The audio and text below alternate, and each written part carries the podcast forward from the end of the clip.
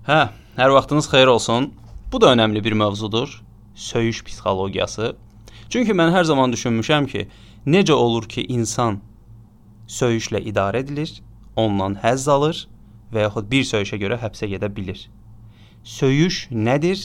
Necə anlaşılır və bunun insanlara sosial psixoloji təsiri nədir? Bax bununla bağlı e, bir neçə dəqiqə ərzində fikirlərimi bölüşəcəm. Həmişə mən düşünürdüm ki, necə olur e, uşaq vaxtı, məsəl üçün, ağzımızdan bir söz çıxan kimi evdən kimsə bir ağzımızın üstünə şillə vururdu ki, ayıbdır demə onu.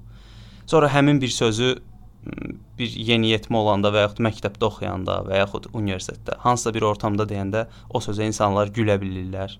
Hansısa bir ortamda deyəndə o sözə görə səni şiddətə məruz qoya bilərlər, səni öldürə bilərlər və yaxud sən kimisə eləyə bilərsən və s. Bax bu e, müxtəlif formada sosial psixoloji olaraq şəkillənir və sənin davranışlarını idarə etməyə çalışır. Məsələn, blet sözü var. Bu söz ictimai yerlərdə, təlimdə, auditoriyada səslənərsə, onu səsləndirən adama tərbiyəsizsən, bu nə danışıqdır deyə bilərlər. Dost ortamında deyəndə insanlar gülə bilərlər. Elə bir ortam ola bilər ki, orada blet sözündən istifadə eləyərsən və səni vura bilərlər, qətl yetirə bilərlər hətta. Çox qəribə bir şeydir. Və elə bir ortam ola bilər ki, nümunə olaraq hərbi, əskərlik məsələlərini deyim. Orada blet sözü tamamilə normaldır və sənin idarə etmək üçün istifadə edilir. Yaxşı, nədir bunun kökündə dayanan? Söyüş özünü ifadə formasıdır. Söyüş özünü ifadə formasıdır. Bir şəkildə hisslərini ifadə eləyə biləcək nəsə səsləndirirsən. Bax, həmişə deyirəm, sözlər hisslərimizin etiketidir. Söyüş də hisslərimizi etiketləşdirən bir şeydir. Birinə səni belə-belə eləyim dediyin zaman o hisslərini göstərməyə çalışırsan və o sənə ləzzət eləyir.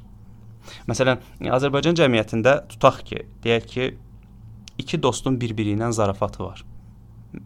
Məsələn, söyüşlə zarafat eləyirlər bir-biri ilə ki, səni belə-belə eləyim, o da deyir mən səni belə-belə eləyim. Ay filan kəs nə bilim nə və deyib gülürlər. Və bir müddət keçir onlar o söyüşü daha da artırırlar. Sanki söyüş onların ə, şəxsiyyətinə tə bir təsir göstərmir və onlar bundan həzz alırlar.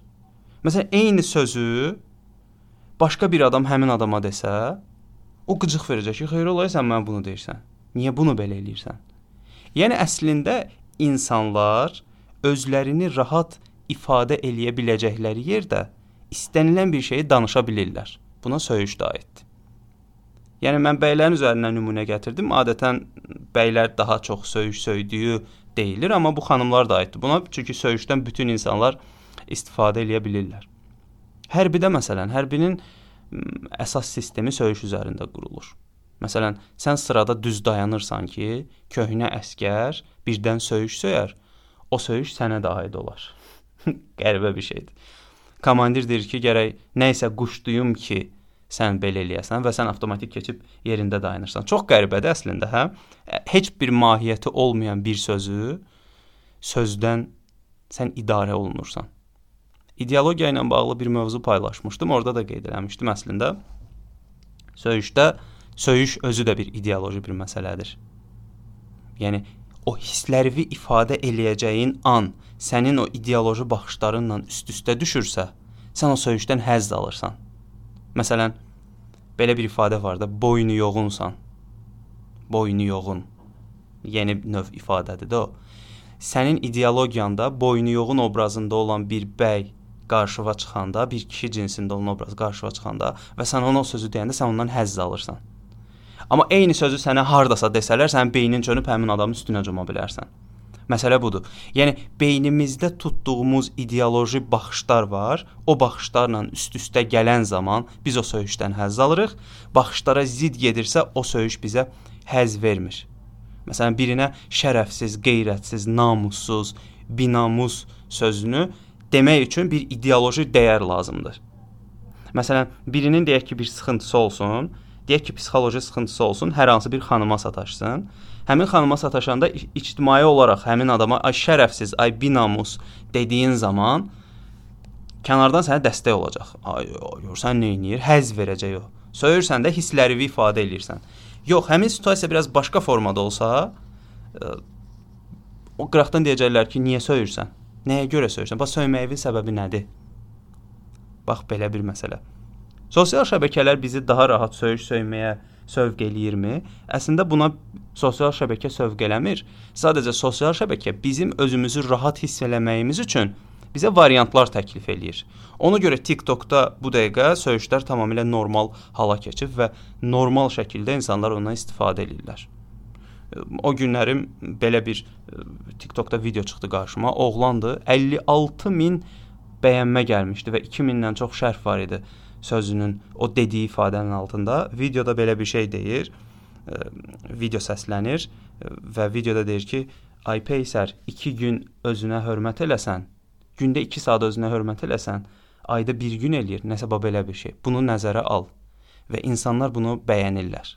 İnsanlar buna fikir bildirirlər. Qızda oğlanın fərqi yoxdur. Çünki insan zövq alır axı söyüşdən. Çünki onun bayaq dediyim kimi də ideologiyası ilə üst-üstə düşdüyünə görə rahat formada o fikirlərini ifadə edə bilər. Söyüşün sosial psixologiyamıza, daha doğrusu psixologiyamıza və sosial davranışımıza təsiri bu tərəfdən var. Həmişə deyirəm, sizə ən yaxın olan insanlarla söyüşlə zarafat eləməyin. Dostunuzla, rəfiqənizlə, kim olur olsun, bir-birinizlə söyüşlə etdiyiniz zarafat bir müddətdən sonra sizdə şəxsiyyət pozğunluğu yaradır və çaşıb hamının içərisində bir-birinizlə söyüşlə zarafat eləyəndə kənardan baxırlar ki, bunların başı xarabdır. Neynirlər bunlar? Nə iş görürsüz? Bu nə yaşayışdır? Bu nə həyatdır? Və s. Bax, bunu mütləq şəkildə nəzərə almaq lazımdır. Davamlı olaraq söyüş söymək insanın sosial davranışlarına təsir göstərir. Yəni davamlı söyüş sənə həzz verə bilər, amma bunun davamlı şəkildə və aslı şəkildə olması sənin davranışında pozuntular yarada bilər. Bax belə Söyüş haqqında bu qədər. Əslində bu qədər deyil, sadəcə bu qədər danışıram ki, çox da yorucu olmasın. Podkastımı dinlədiyinizə görə təşəkkür edirəm. Fikirləriniz olsa sosial mediadan yazmağı unutmayın. Görüşərik.